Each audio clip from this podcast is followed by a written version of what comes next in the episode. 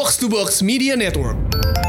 Ole Gunnar Solskjaer ini sebenarnya orang baik ya, tapi kalau orang baik dikelilingi oleh orang-orang jahat ya jadinya ngaco dan bego juga gitu. Em, kalau mau dilihat secara keseluruhan, betul bahwa ada faktor Glazers di sana yang managing klub yang ngaco, ada Ed Woodward yang menurut gua nggak ada gunanya di dunia ini, lebih berguna bengkoang busuk daripada Ed Woodward eh, dari segi eksistensi. Tapi dari segi pilihan line up, siapa yang diturunkan, oleh sih ngaco berat. Apalagi dari segi taktikal sama strategi. Gue nggak tahu apa sih yang diharapkan yang dilatih oleh Man United di tiap sesi training tuh yang ingin diimplementasikan eh, pada waktu main gak jelas men. Bener-bener nggak jelas. Siapa yang harus pegang bola, bagaimana alur passingnya, eh, kira-kira apa sih yang harus dilakukan untuk bisa ngebongkar pertahanan lawan yang mainnya very eh, very defensif gitu. Jadi kalau buat gue ini udah kesalahan, udah kefaktapan yang sangat-sangat menyeluruh ya, terstruktur, sistematis dan masif. Emang susah untuk bisa ini sih, susah untuk bisa ngebela siapa-siapa di sini, termasuk ngebelain oleh. Em, nggak tahu ya, udahlah kita berdoa aja bareng-bareng eh, untuk mengharapkan ampunan dari yang maha kuasa. Penting kita semuanya bilang ngaku dosa aja udahlah. Ini kita harus harus bermawas diri gitu. Meskipun meskipun pada tanggal 20 Oktober nanti gue harapkan ada satu tugas besar yang harus dilakukan oleh Manchester United adalah they have to cancel the apocalypse.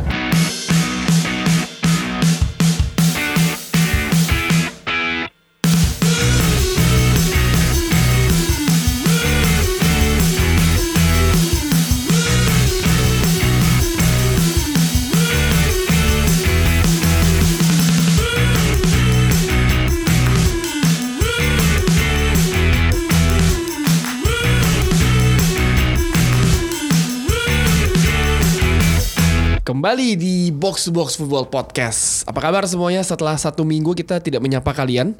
Akhirnya kita kembali lagi di Box to Box Podcast. Seperti biasa kok kalau MU kalah ya, pasti rekan kita satu itu menghilang seperti biasa ya coach ya. Uh, the coming three months, tiga bulan ke depan dia nggak datang.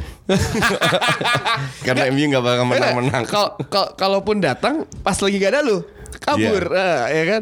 Karena emang sudah terbukti sejak awal musim ketika MU kalah tuh dia tidak pernah ada. Ya, ya kan? terakhir tuh kalah eh, terakhir tuh ada eh, pangeran ketika gua lagi di Jepang yang kalian siaran ya kan? Iya. itu juga pasti dia datang gara-gara ada sponsor.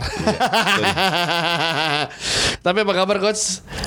Gue baik, Gimana? sibuk seperti biasa. sudah nggak bolak-balik. Jogja lagi nih ya? Sibuk banget ya lah orang jadwal kita kemarin minggu lalu Nggak. gagal semua. Nggak ke Jogja tapi nggak kurang kerjaan lah, tambah banyak malah. ya alhamdulillah dong ini kan youtuber kita Nggak ke Jepang juga. Heeh, tapi di, tapi rezeki makin banyak di sini.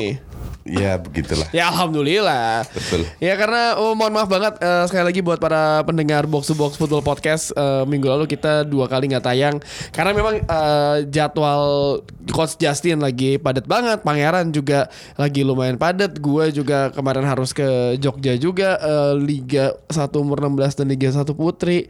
Jadi emang baru ada kesempatan hari ini. Kita mohon maaf sekali lagi buat para pendengar kita yang eh, sangat budiman ya, yang bisa mendengar Coach Justin di apa namanya di laman YouTube eh, kawan kita Valen Jebret ya, Ya. kan? Ada Itu ada tiap eh, Senin, Rabu, Jumat. Iya, ada Coach Jajan, ada Kang Jalu juga, ada perwakilan dari box to box sana rame lah, rame, rame. Orang-orang kita juga. Iya sama muter-muter doang gitu sebenarnya. Tapi coach eh, kalau ngomongin eh, soal persepak bola ini kan kita udah mau eh, international break ya kan. Iya. Dan ini menjadi nafas bagi para fans eh, fans fans eh, dua Manchester yang yang eh, mendapatkan hasil yang sangat sampah di akhir Iya. pekan ini di Premier League. eh, kita kita bahas tim gede aja deh. Eh, di hari Sabtu kita tahu Liverpool hampir seri, hampir imbang. Tapi di Kena menit akhir. Sadio Mane jatuh, ya kan? Iya. Itu gua jujur gua nggak menonton pertandingan karena saat itu gua Itu gue nonton. itu gue lelah banget habis eh, apa mengawal Liga 1 Putri ya kan pembukaan lelah dan gue lagi nggak fit jadi gue bablas tidur Heeh. Itu gue bilang eh, fix penalti. fix penalti Ya, walaupun jatuhnya mungkin agak diving, tapi jelas-jelas kaki belakangnya tersentuh. Heeh. Inten ada intensi niat untuk menyentuh, tapi bolanya nggak kena. Iya. Jadi walaupun tidak keras, tapi itu unsur penalti itu udah masuk Iya. semua. Dan eh, sebelumnya kan juga si Leicester juga mendapat harusnya mendapatkan penalti kan. Iya. Siapa sih Thomas? eh, iya, Thomas itu penalti? Iya. juga. Harusnya penalti Iya. itu kan. Tapi maksudnya inilah yang menarik di eh, sepak bola Inggris ya kan.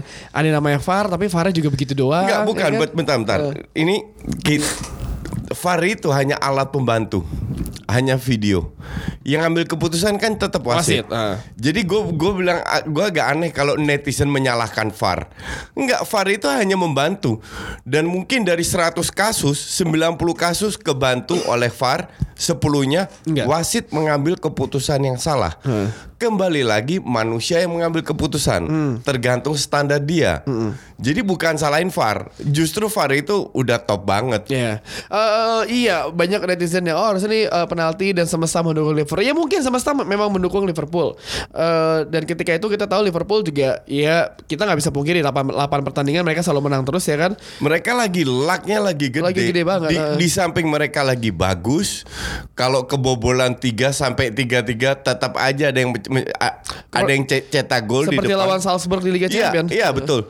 Jadi mereka lagi meningkat banget, Hmm. meningkat banget dan semua itu semua angin menuju ke arah mereka. Iya, iya, iya. Nah, eh, those kind of things happens. Beda dengan City. City yang harusnya menang, tapi ya eh, lagi suwe aja. Shots on goal cuma dua dari 17 shots kalau nggak salah. But that's football gitu loh. Mereka bukan robot di mana kalau bilang oh ya City lagi itu kan fans kardus cuma lihat hasil ya kan. Beda sama MU. Kalau MU kalah memang katrok. Bahasa MU terakhir aja. Ngerti gak maksud gue? Ngerti, ngerti, Ja- ja- ngerti. jadi gue hanya kasih contoh bukan masalah skor dan lain-lain. Gue masih inget Chelsea match pertama Bantai. bantai. Satu fans MU di seluruh dunia udah keluar-keluar akan jadi juara. Heeh. Dan gue bilang apa waktu itu? Chelsea tidak diobok-obok, main bagus banget. Cuma emang adaptasinya telat aja. Iya, Heeh. itu baru match pertama. Mereka bermain terlalu terbuka sehingga kena serangan balik. Mayoritas gue kan serangan balik.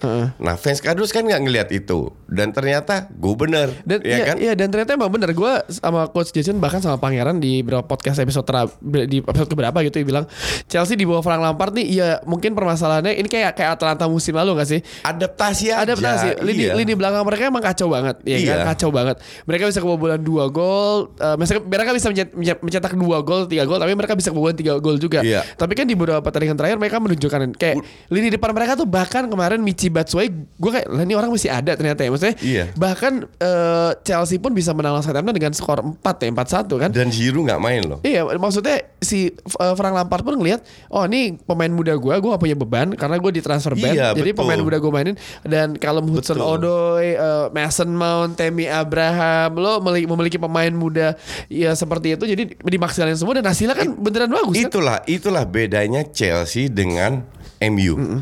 MU tiap tahun itu punya beban. Karena mereka sudah beli Maguire. Iya. Nger- Ngerti nggak? Ada bebannya. Musim ini Frank Lampard nggak ada beban, pemain muda nggak ada beban, sehingga dia bisa melakukan apa yang diinginkan dan terbukti. Walaupun awal-awal terseok, tapi ini laga tandang loh. Iya, iya. Dan gue yakin pasti ada terseoknya juga, ada ngedropnya lagi. Oh, pasti. Cuman pelan-pelan grafiknya ini akan meningkat. Eh, kalau ngomongin Chelsea iya, maksudnya lini depan mereka semakin lama semakin tajam. Walaupun mereka kalah di Liga Champions dari Valencia 1-0 ya kan. Tapi kemarin di Liga Champions pun juga bisa mencetak mencetak, mencetak gol juga kan dan pe- permainan mereka gue entah kenapa keharmonisan timnya Menang kan kemarin? Menang, menang terlihat terlihat banget dan lini serang mereka juga gol Conte kemarin cetak gol juga. Jadi maksudnya sebenarnya eh, tinggal ya udah tinggal pemain belakang lo lu benerin aja udah gitu Iya, aja sih. tu- cuman cuman tinggal ntar ketemu Ajax. Nah, iya benar. Nah, Ajax home and away masalah iya, ya kan. nah, itu ini ini akan jadi jadi apa namanya eh, Ujian sebenarnya. ujian yang sebenarnya se, se, sesolid apa tim Chelsea karena Ajax bermain real football. Eh, maksudnya ini kemarin gue sempat bahas di acara Champions Talk sama Mas Gita Gita Gita Suwondo gue gue bilang ini Chelsea menang tapi di next pertama pertandingan selanjutnya dia bakal bertemu Ajax home and away kan. Ini bakal jadi uh, kunci dan Ajax mainnya bagus banget lawan Valencia. Iya. Gila Hakim Ziyech Betul. bisa kayak gitu. Betul. Dan, siapa yang bisa ngalahin Valencia di kandang 0-3? Nggak banyak ada. tim. Susah. Nggak Nah, banyak tim. Susah. Dan dan ngelihat Ajax yang grafiknya meningkat dan kalau di Liga Champions kan lo pernah bilang di Liga Champions musim lalu Ajax tuh kalau di Liga Champions main formasi yang berbeda. Dusan Tadic di depan Iya, ya kan iya. diubah formasinya. Iya, iya. Eh, eh, walaupun kehilangan Irving Lozano, eh, Bu- bukan Lozano, eh, sorry. Lozano di PSV. Siapa Ke- namanya? Kehilangan Frenkie de Jong, Frenkie de Jong. Matthijs de Ligt Ah. sama Lasse Schöne. Iya, Lasse Schöne, Tiga pemain inti hilang. Tiga pemain inti hilang eh, tapi mereka tetap dengan ya udah dengan pemain yang ada Iya, dimaksimalin di- semua ditambah satu pemain Meksiko, satu pemain Argentina, Iya. satu pemain Ma- Marin dari dari Yugo kalau nggak salah, Da- dari apa namanya Serbia kalau nggak salah. itu berarti Deli Blin bener tuh pindah balik ke, ke Liga Ajax Iya, loh. Tadi situ dibeli cuma 3 juta loh. Dari Soton, di Iya. Soton pun sering cadangan. Iya, Tadic ya. Sekarang nggak ada tadi selesai. Iya. Jadi, jadi memang Ajax lebih pintar daripada pada orang Inggris untuk ngelihat pemain, Iya. memanfaatkan kapasitas pemain. Iya plus juga eh, kalau ya kita sempat bahas yang kemarin di summer break itu kan kalau tim Inggris beli beli beli beli pemain tuh pasti harganya dinaikinnya mahal banget Iya. kan. Ini tuh permasalahan kayak misalkan ya kayak kita sempat ngebahas Kieran Trippier pindah ke Atletico Madrid 15 juta doang. Iya. Itu kan Co- coba kalau di Inggris, 75. Uh, 50 60. Iya, exactly dan dan inilah kan gue selalu bilang kan orang Inggris itu nggak ngerti bola. Ilmu bolanya pas-pasan, nggak pemainnya, nggak pelatihnya. yang yang bener-bener ngerti kan se seuprit doang. Segelintir, iya, Sedi- segelintir. sedikit banget, tapi merasa dirinya udah paling benar. Hmm. Nah, Dusanta di sini contoh paling top dan banyak sekali co- contoh itu pemain-pemain yang banyak kayak Van Dijk segala itu kan Kuman yang bawa. Iya. Ngerti nggak? Jadi Soton. Iya, jadi pelatih-pelatih luar bukan Belanda doang, pelatih luar tuh bisa ngelihat pemain hebat, Hmm. bukan Inggrisnya. Kalau Inggris harga dan lain-lain. itu kalau kalau sana pelatihnya bukan oleh pelatih hebat dari luar yang pegang MU, Maguire nggak akan datang dengan harga segitu. Harusnya. It's just too expensive. Dan kemarin ke obok lagi kan? Ke Obok. Go- golnya. eh, terus setelah Chelsea ada pertandingan eh, Arsenal coach. Menang 1-0. Arsenal, Arsenal bapuk juga mainnya. Tapi kan tiga poin yang penting. ya. Iya. Dalam arti gini, yang penting tiga poin adalah untuk percaya diri para pemain. Karena tim ini kan banyak pemain baru dan pemain muda diberi kesempatan kayak kayak Gundosi kan mulai baru musim ini starter. Iya. Terus eh, eh, dengan dua dengan David Luiz back baru eh si- siapa, siapa lagi Se- Ceballos baru Iya. dengan bermain tanpa Özil, tanpa praktis, tanpa playmaker. Iya, iya, iya. Jadi mereka butuh waktu lagi. Si Ozil tuh ke mana sih di Nggak dipakai. di dibuang aja Di- gitu. dibuang aja. Dicadangin juga enggak. Karena kan si Emery kan butuh pemain yang bisa bertahan juga kan. Yang bisa kerja keras Ah, dan Özil nggak bisa. Lemes. stylish kan. Ah, ah, iya. ah, ah. Nah terus eh, eh, apa namanya? Terus eh, hal kayak begini itu but Arsenal butuh untuk meningkatkan percaya diri. Tapi dari sisi permainan hancur. Dan dan kalau masih ada yang Emery minta Emery out, gue paham. Ah. Karena tim enam besar, enam besar ya, bukan MU City, eh, Liverpool doang. Enam- tim enam besar itu pasti harusnya main bagus dan menang. Spurs main cukup bagus walaupun nggak menang, Iya. ya kan? Tapi itu kan lebih masalah internal dan lain-lain.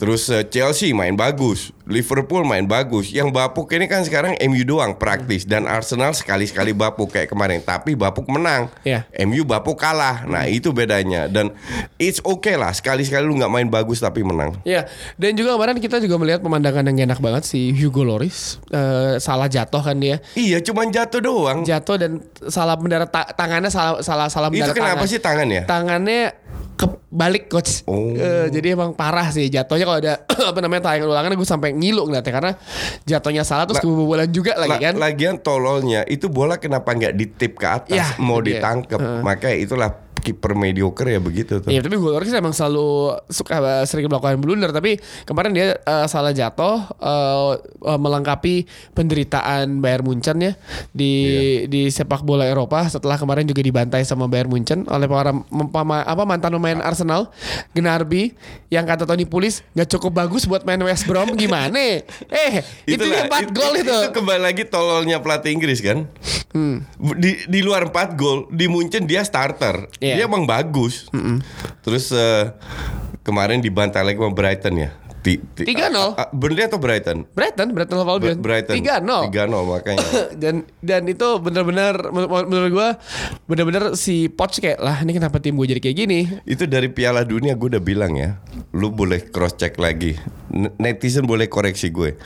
Gue udah bilang yang nama di timnas Inggris yang namanya Lingard sama Dela Ali itu sampah dan dan berkem- udah berkali-kali terbukti.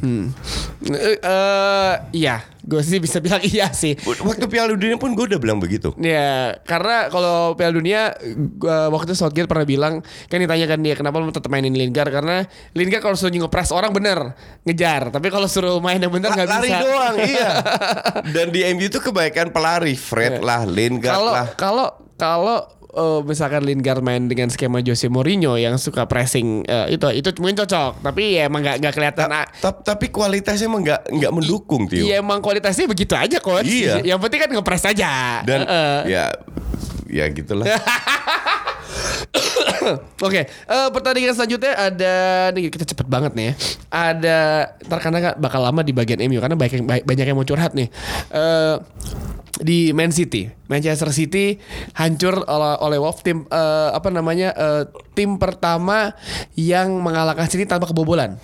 Ya. Ya kan dua gol bawah Pep. di bawah Pep ya, Ya. di Etihad. Eh, yang menarik adalah eh, kemarin gue ngelihat golnya Traore itu terjadi setelah Manchester City itu kan kalau Manchester City tipe eh, tipe tim kalau misalnya bola kerebut tim mau tim tim lawannya mau melakukan counter attack biasa mereka technical foul untuk Ya. stop bola kan untuk mereka Ya atau un- atau high press lah. Iya, atau mereka beneran apa eh, balik lagi eh, apa namanya eh, setting dari ulang lagi. Nah, kemarin tuh mereka gagal melakukan eh, pelanggaran seperti itu karena Jimenez sama Traore kan badannya segede gitu ya. Cepat juga. Jadi ya eh, eh, apa namanya Pep Guardiola ternyata bisa dikalahkan dengan cara seperti itu dan dan itu udah udah udah udah udah udah terlihat di beberapa Gua- musim terakhir. Gue bilang kalau kebobolan oke fine, itu bisa terjadi.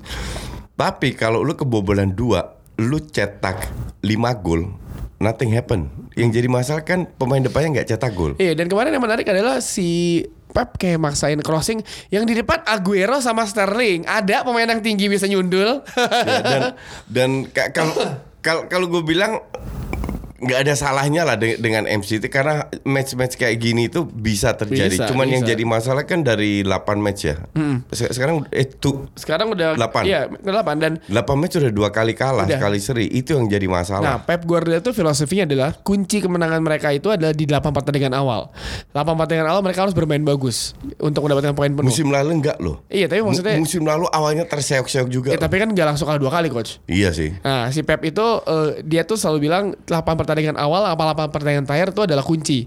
Jadi ya ini menarik sih kalau ngelihat bagaimana ini fans Liverpool jaraknya 8 poin, tapi musim lalu kan udah jaraknya 10 juga poin. 10 poin ya Iya. kan. Terus bagi-bagi cashback tuh Iya, eh, dan, Liverpool. dan Liverpool 4-5 match terakhir itu nggak dominan lagi. Iya. Menang iya karena emang lagi luck aja.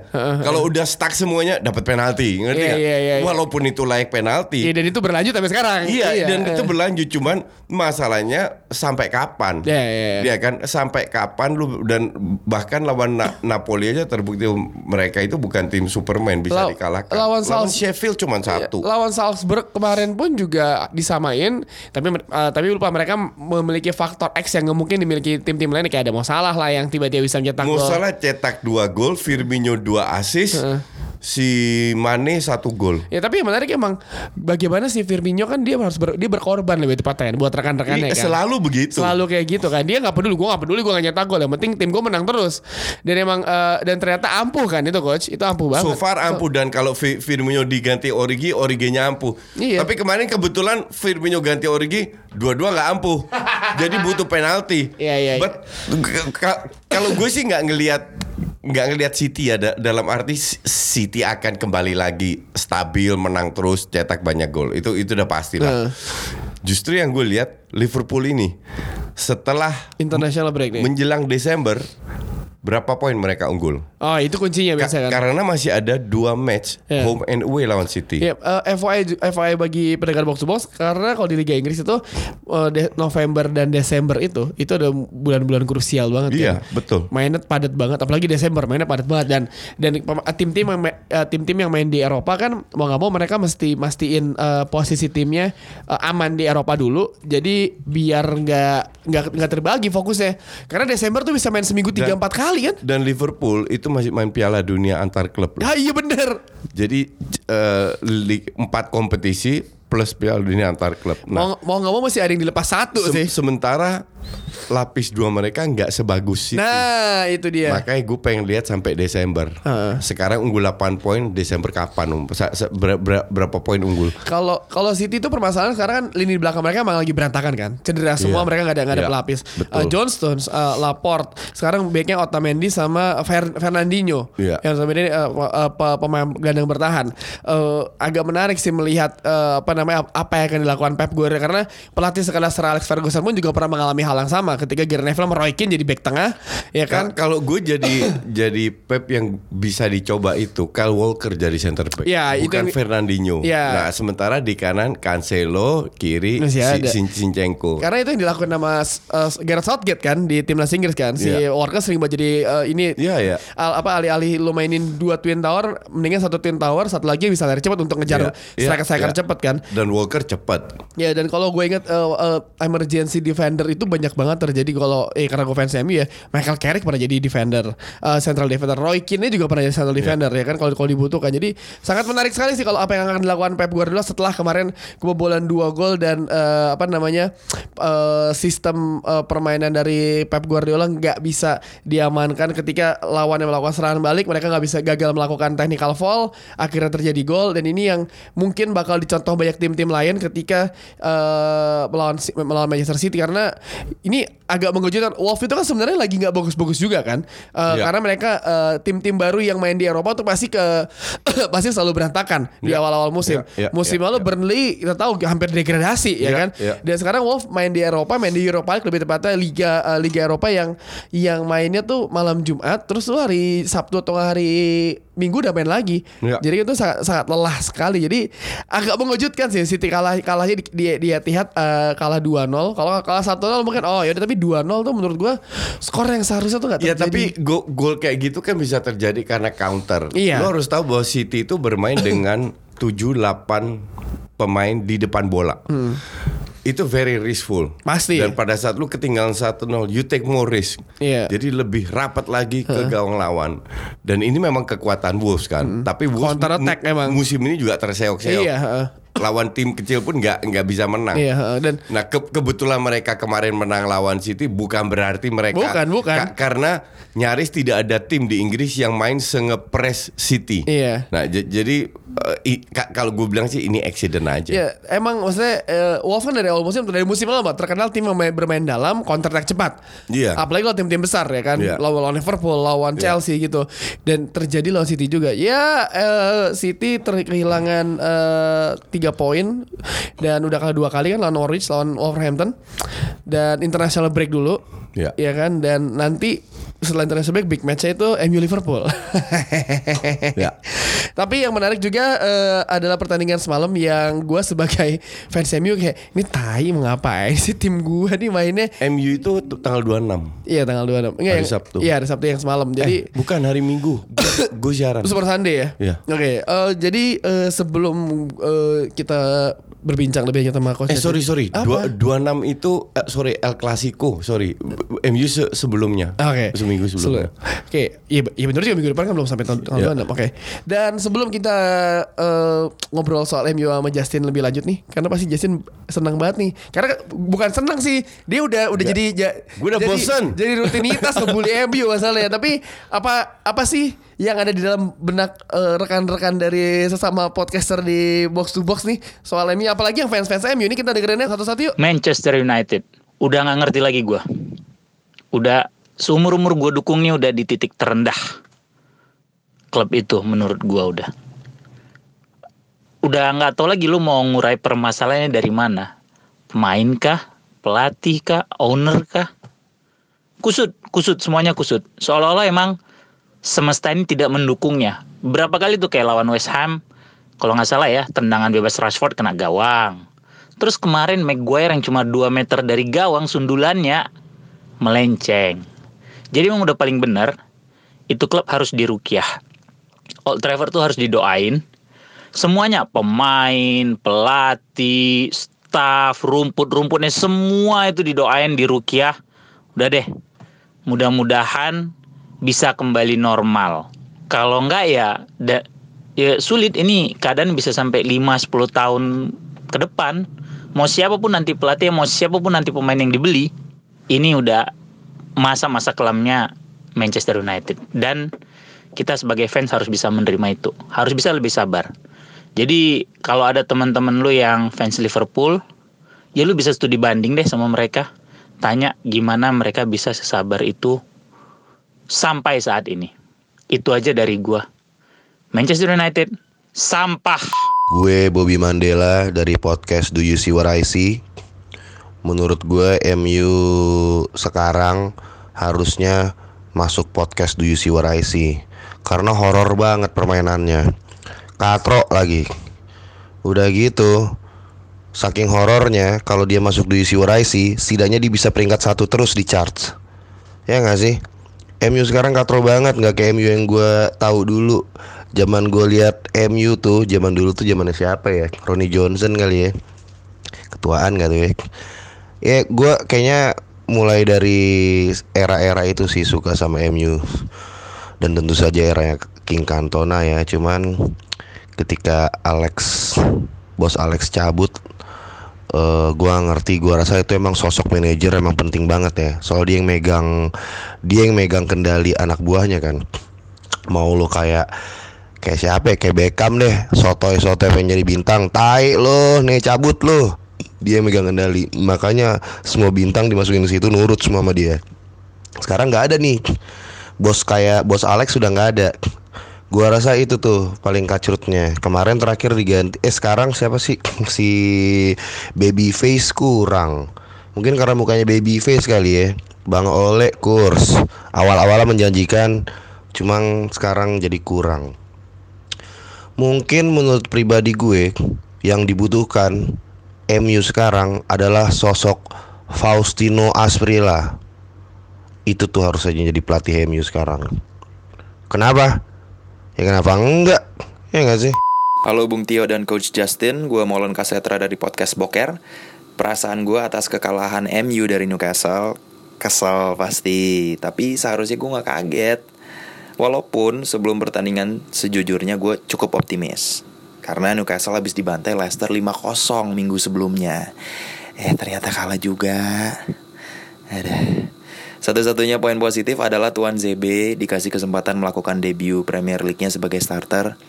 Dia cukup oke dalam menghadang serangan balik dari Newcastle, khususnya menahan si Saint Maximin yang ngacak-ngacak terus.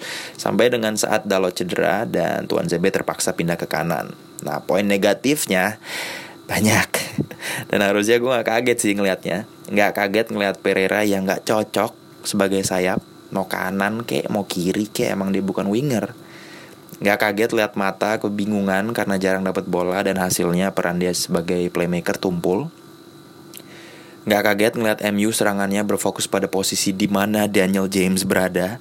Pas dia ke kiri nyerangnya lewat situ mulu. Pas pindah ke kanan sama aja. Dan gak kaget ngeliat Rashford yang dari body language-nya aja udah lesu dan frustasi. Dan gak bisa berbuat apa-apa. Ball possession 60-an persen. Tapi shots on goal masa cuma 3? Tapi yang paling serem adalah harusnya pertandingan ini jadi kesempatan menjadi titik balik sebelum international break. Karena setelah itu MU jadwalnya ketemu Liverpool home, habis itu empat pertandingan berturut-turut away. Jadi intinya kekalahan dari Newcastle buat gue ini diawali dengan optimisme semu, tapi berakhir dengan amsyong.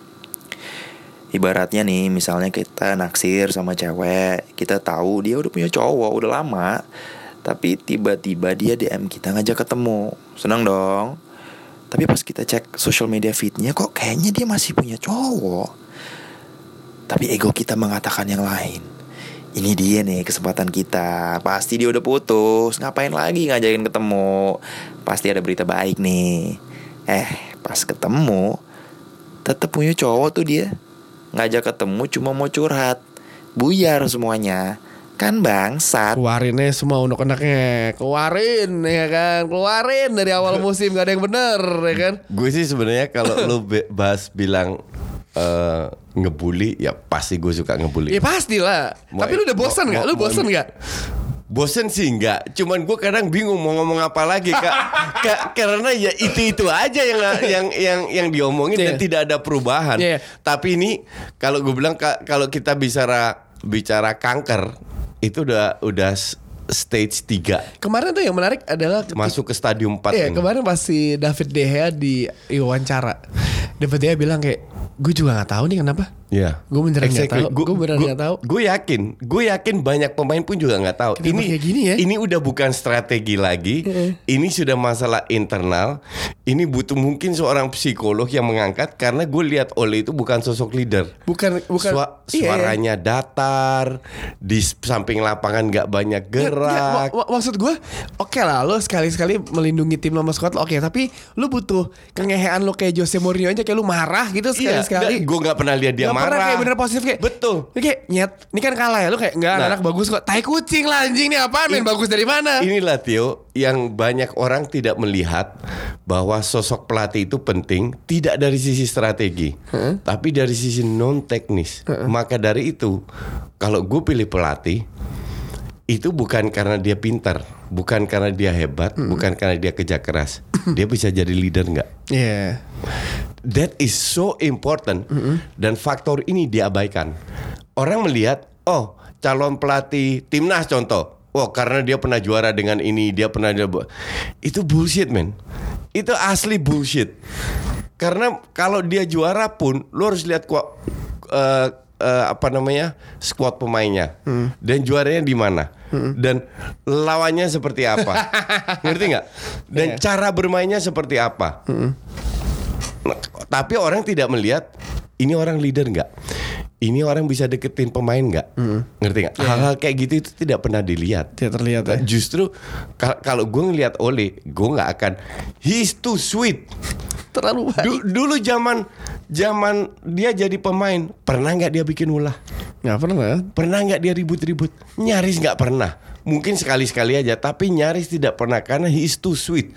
Nah, tim kayak MU nggak bisa terlalu baik. Tidak bisa terlalu baik. Lu butuh bajingan kayak Mourinho. dan dan Mu- dan Mu- Mourinho itu gue kritik bukan dengan cara bukan dari cywarnya, tapi dari strateginya kan. Tapi kal- kalau kita bicara psikolog itu luar biasa. Dia berani ribut sama Pogba, dia berani ribut dan lain-lain untuk membuktikan bahwa tim ini tidak tergantung oleh satu dua sosok. Dan kalau Ole dipertahankan, ini menjelang masuk ke stadium 4 di mana udah susah untuk diperbaiki lagi. Maka dari itu kan gue udah prediksi Oleh bakal dipecat sebelum sebelum Desember. Kalau gue jadi manajemennya MU, gue akan segera pecat. Karena ini udah bukan masalah strategi dan gue paham. De Gea bilang, gue nggak ngerti apa yang terjadi. Karena kenyamanan, kebersatuan itu nggak ada. Ya, tapi kalau menurut gue ya, diganti pelatih pun juga belum tentu menghasilkan hal yang sama. Apalagi kalau lu salah Setuju. lagi nih, salah Setuju. lagi. ny- ny- At least satu lu jangan ambil pelatih Inggris. Oke. Lu ambil pelatih luar. David Moyes tuh Ke- masih kosong. Ke- kedua, kedua lu harus cari cari eh, pelatih yang bisa jadi leader. Lu sadar nggak bahwa pelatih seperti Hugh Hiddink atau Dick Advocat itu sering kali ngelatih nggak sampai setahun. Dipecat mereka masuk. Dipecat mereka masuk. Cuma menaikkan ya di Chelsea kan buktinya gitu kan. Berdua kali loh sama Hiddink. Dick Advocat sama Utrecht Iya. cuman 6-7 bulan untuk merubah mental, Iya. merubah strategi, merubah non teknis agar mereka bisa bangkit lagi. Nah, pelatih-pelatih gini yang dibutuhkan oleh MU sekarang. Itu yang dilakukan Chelsea kan waktu itu kan. Pasca pasca it- Jose it Mourinho. dua kan. kali dilakukan Chelsea. Maka Hiddink dari lagi. ya, Hiddink dan Hiddink berkali-kali mela- melakukan itu Iya. menggantikan pelatih yang dipecat, tapi untuk sementara Iya. nggak diterusin. Heeh. Di Real Madrid kalau nggak salah pernah juga lupa gue. Cuman anyway itu se- sering dilakukan pelatih kayak di Advocat sama sama Hiddink. Nah, untuk musim depan kalau kalau gue jadi jadi MU Ed Woodward kan orang Inggris konservatif banget. Oh, go- ini goblok banget ini orang. Ini yang harus dirubah. Dia harus berani mengambil pelatih luar yang non non Great Britain, tapi yang benar-benar punya leadership. Edward tadi Strategi ganti aja bagus. mendingan. Strategi bagus sama itu eh, apa namanya eh, bisa jadi Iya. leader. gue berpikirnya eh, mengganti pelatih pun sekarang pun juga nggak ada nggak ada gunanya juga lah. Karena eh, kalau ini pendapat pribadi gue ya karena menurut gue ya sebenarnya si Woodward udah melakukan semuanya kan. Eh, Moyes eh Moyes ya udah lah ya. Louis van Gaal eh, Jose Mourinho menurut gue terakhir tuh adalah eh, penampilan apa sih kayak mendapatkan pelatih kelas dunia Jose Mourinho saat itu kan. Oleh iya 8 pertandingan dia di awal sangat menyenangkan bagi fans MU tapi memang setelah itu kan ya sekarang akhirnya keluar kan. Dia bilang ini kenapa jadi kayak gini ya gue aja nggak tahu kenapa maksudnya ini kan keluar dari pemainnya sendiri kan mereka pun nggak tahu apa yang terjadi sama sama Ya. sama tim ini apakah kayak misalnya gini guys kalau misalkan oke lah si apa Ole tetap di sana tapi dia datangin satu kayak misalkan let's say katakanlah Roy Keane lah masuk jajaran staff gitu itu bisa nambah sebagai ini gak sih Gue setuju Roy Bisa Keane kan? masuk. Iya kan? Gue setuju. Mungkin dari strategi pas-pasan. Tapi Iya. yang dibutuhkan bukan strategi. Ken- kena- kenapa bukan strategi? Karena pemain ini pemain bagus loh. Bukan bu- bukan pemain i- ibarat gue yang latih MU gue bilang nih bola main main ge sono. Mereka jalan main Hmm. Iya. tanpa arahan apa pun mereka akan bermain. Iya. Cuman kebersamaan ini butuh orang seperti Roy Keane. yang galak yang ngehe daripada Roy Keane ngoceh mulu di TV kan Iya, mendingan bantuin Betul. Jadi ya eh, gitu sih. Jadi kalau ngomongin MU emang gak ada habisnya ya. Eh, curhatan rekan-rekan kita juga gak ada habis ya.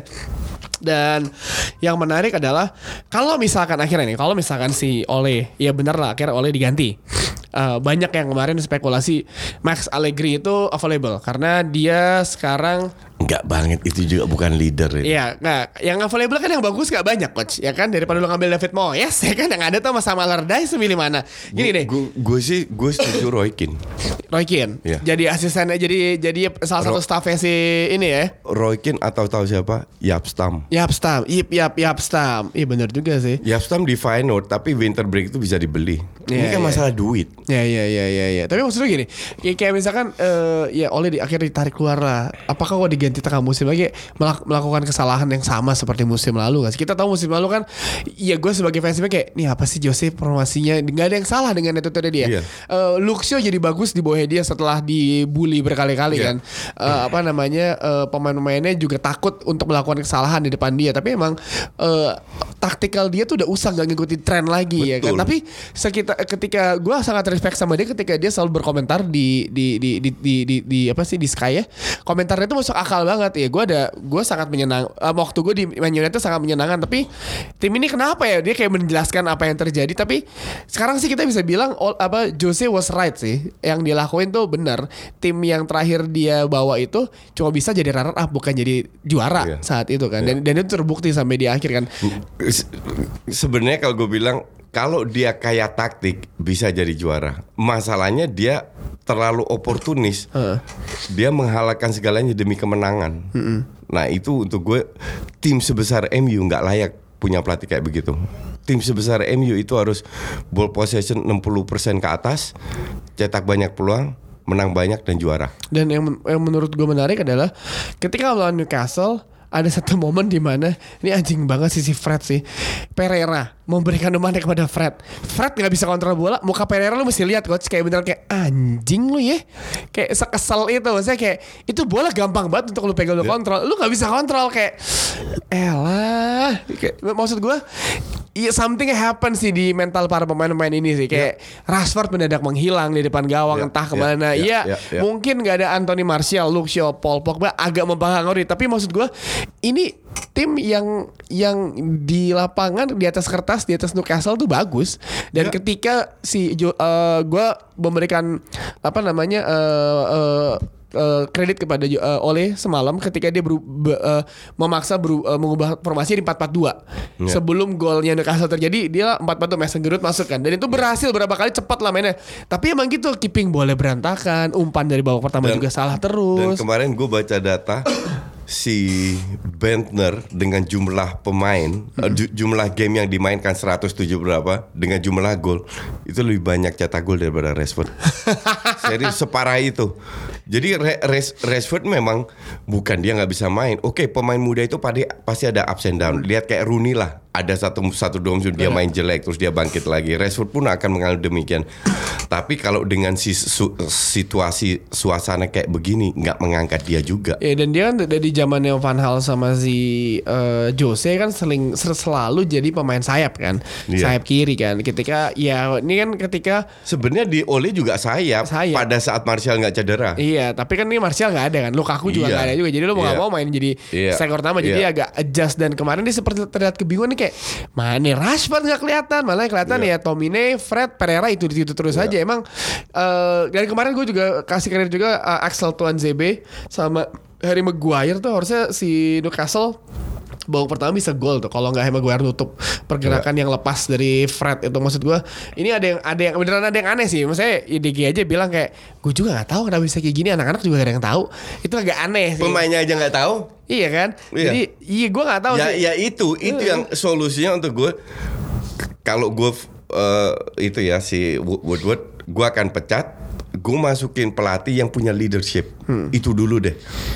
Kayak Roy Keane. dan apakah seorang direktur of football dibutuhkan karena kan MU kan dari dulu selalu mencari direktur football sampai sekarang nggak dapat Di- dapat direktur football itu dibutuhkan karena untuk pembelian pemain dan kerjasama mengkoreksi pelatih. Iya. Karena si Woodward nggak ngerti bola. Murah ngerti. Kan dia kan bisnismen Iya. emang Heeh, nyari untung ya untung sih MU untung banget tapi ya berantakan di kompetisi. Iya, makanya direktur football itu penting. Iya. Itu kan dirtek. Iya, yang paling penting itu kan.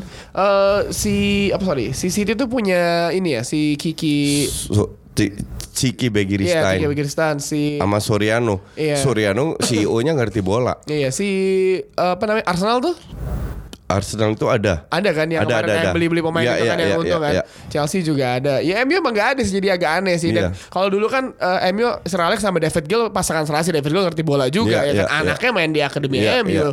Dan yang menarik anaknya David Gill Oliver Gill tuh memutuskan untuk pensiun dari bola gara-gara kayaknya duit gue lebih banyak jadi bisnismen deh. Bisa jadi. Iya dia memutuskan karena itu emang dia mau mau lanjut kuliah kan gitu. Ya daripada nyaingin Ferdinand Vidic yang lewat-lewat ya kan. Jadi gitu eh nggak selesai bahas MU nih coach Capek lu ada mungkin ada pesan-pesan bagi Gak, para gak ada sih gue kalau gue sih sebenarnya gue sangat sayangkan eh, MU terseok-seok seperti ini. Jadi gue bilang oleh out udah dari kapan tahun dari sebelum bola ditendang gue gue udah udah bilang itu karena gue pengen MU bangkit lagi. Kenapa? At least eh, persaingan lebih ketat di papan atas, ngerti Iya. nggak? Biar lebih menarik lah iya. ya. Kalau sekarang praktis Arsenal, Liverpool, City sama Chelsea. Karena Spurs sama MU lagi ngedrop banget. ups and down. Iya, Eh, dan dan har- kalau ada enam tim yang bersaing seperti tradisinya sepak bola Inggris kan lebih seru. Ditambah tim seperti Wolves, seperti Bournemouth Iya. atau Crystal Palace sekarang yang lagi Leicester, Ham, West Leicester, Ham. West Ham itu kan bisa mempersulit semua tim. Bisa. Nah sayangnya MU kalau gue sih pengen Ole dipecat MU balik lagi. Biar biar lebih seru lah. Biar gue nggak usah ngebully tiap minggu. Capek kali lu boleh bola. Ah, Enak juga Apalagi orang-orang. Udah Daripada gitu eh, Sampai jumpa Di episode selanjutnya. Eh, Semoga kita kumpul bersama lagi nih bertiga nih ya. Jadwal padat banget orang-orang Asli ya Heeh. Jadi sampai jumpa di episode Box to Box Football Podcast selanjutnya. Bye-bye